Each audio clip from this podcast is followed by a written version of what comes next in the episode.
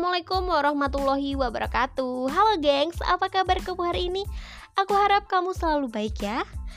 Oke, balik lagi bareng aku di KKN Podcast episode 11 Monica Imai yang selalu menemani kamu. Nah, di episode ini aku bakalan ajak kamu untuk bahas tentang self-love atau love language. Nah, menurut The Asian Parent nih gengs pada dasarnya terdapat lima jenis bahasa cinta yang merupakan bentuk atau cara seseorang untuk mengekspresikan rasa cinta secara emosional. Setiap individu memiliki bahasa cinta utama, makanya kamu harus belajar memahaminya, gengs.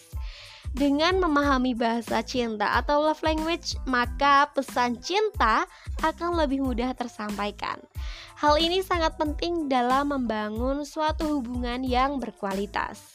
Sebaliknya, jika kamu memiliki sikap egois dan hanya menang sendiri, kamu hanya menimbulkan bibit yang menghancurkan keharmonisan gengs. Jadi, mari cari tahu lebih jauh tentang jenis-jenis bahasa cinta. Bahasa cinta ini ada lima menurut Dr. Gary Chapman menu seorang konselor sekaligus penulis buku The Five Love Language yang dirangkum dari berbagai sumber nih gengs Oh ya sorry banget kalau misalnya tadi salah penyebutan namanya ya yang pertama ada bahasa cinta melalui kata-kata atau afirmasi. Secara sederhana, love language ini berupa kata-kata, yaitu dengan mengungkapkan cinta dan kasih sayang melalui ucapan, pujian, atau penghargaan.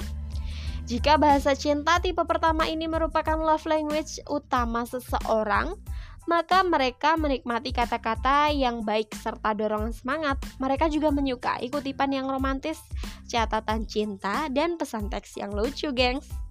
Untuk membahagiakan orang tipe ini dengan memuji dan menunjukkan dukungan atas apa yang mereka lakukan dengan baik, gengs. Yang kedua ada sentuhan fisik ada juga nih tipe orang yang memiliki love language berupa sentuhan fisik. Mereka akan merasa dicintai melalui kasih sayang yang diwujudkan dalam sentuhan fisik, gengs. Tapi bukan selalu tentang seks ya. Sentuhan fisik tersebut bisa diberikan dengan beragam cara yang hangat dan manis. Seperti genggaman tangan ataupun mengecup. Bayangan kencan romantis bagi orang yang tipe ini juga nggak muluk-muluk loh, gengs. Mereka cuma ingin di dekat pasangannya aja secara fisik, misalnya dengan berpelukan sepanjang malam di sofa atau menonton film favorit. Yang selanjutnya adalah quality time. Orang dengan karakter bahasa cinta ini akan merasa bahagia jika diberi perhatian penuh, gengs. Artinya mereka enggak sekedar butuh kehadiran fisik kamu. Quality time berarti melakukan kontak mata dan mendengarkan secara aktif. Orang dengan bahasa cinta ini juga lebih mengedepankan kualitas daripada kuantitas dalam suatu hubungan. Jadi, saat bersamanya, dia akan merasa dicintai jika kamu hadir dan fokus padanya. Jangan sibuk dengan diri sendiri dengan ponsel atau urusan pekerjaan ya, gengs. Yang keempat ada tindakan atau aksi, bukan sekedar kata I love you. Nah, gengs, ada pepatah yang mengatakan tindakan lebih penting dari kata-kata. Nah, ini sebagian besar orang menganggap uh, ini benar-benar terjadi dalam urusan cinta. Disebutkan juga sebagai act of service.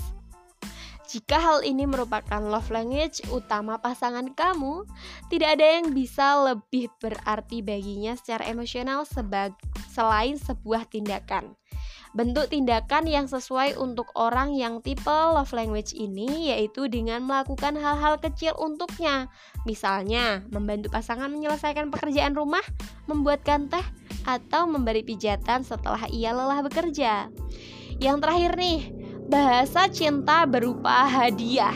Pemberian hadiah sering kali dianggap sebagai ekspresi cinta yang umum dilakukan.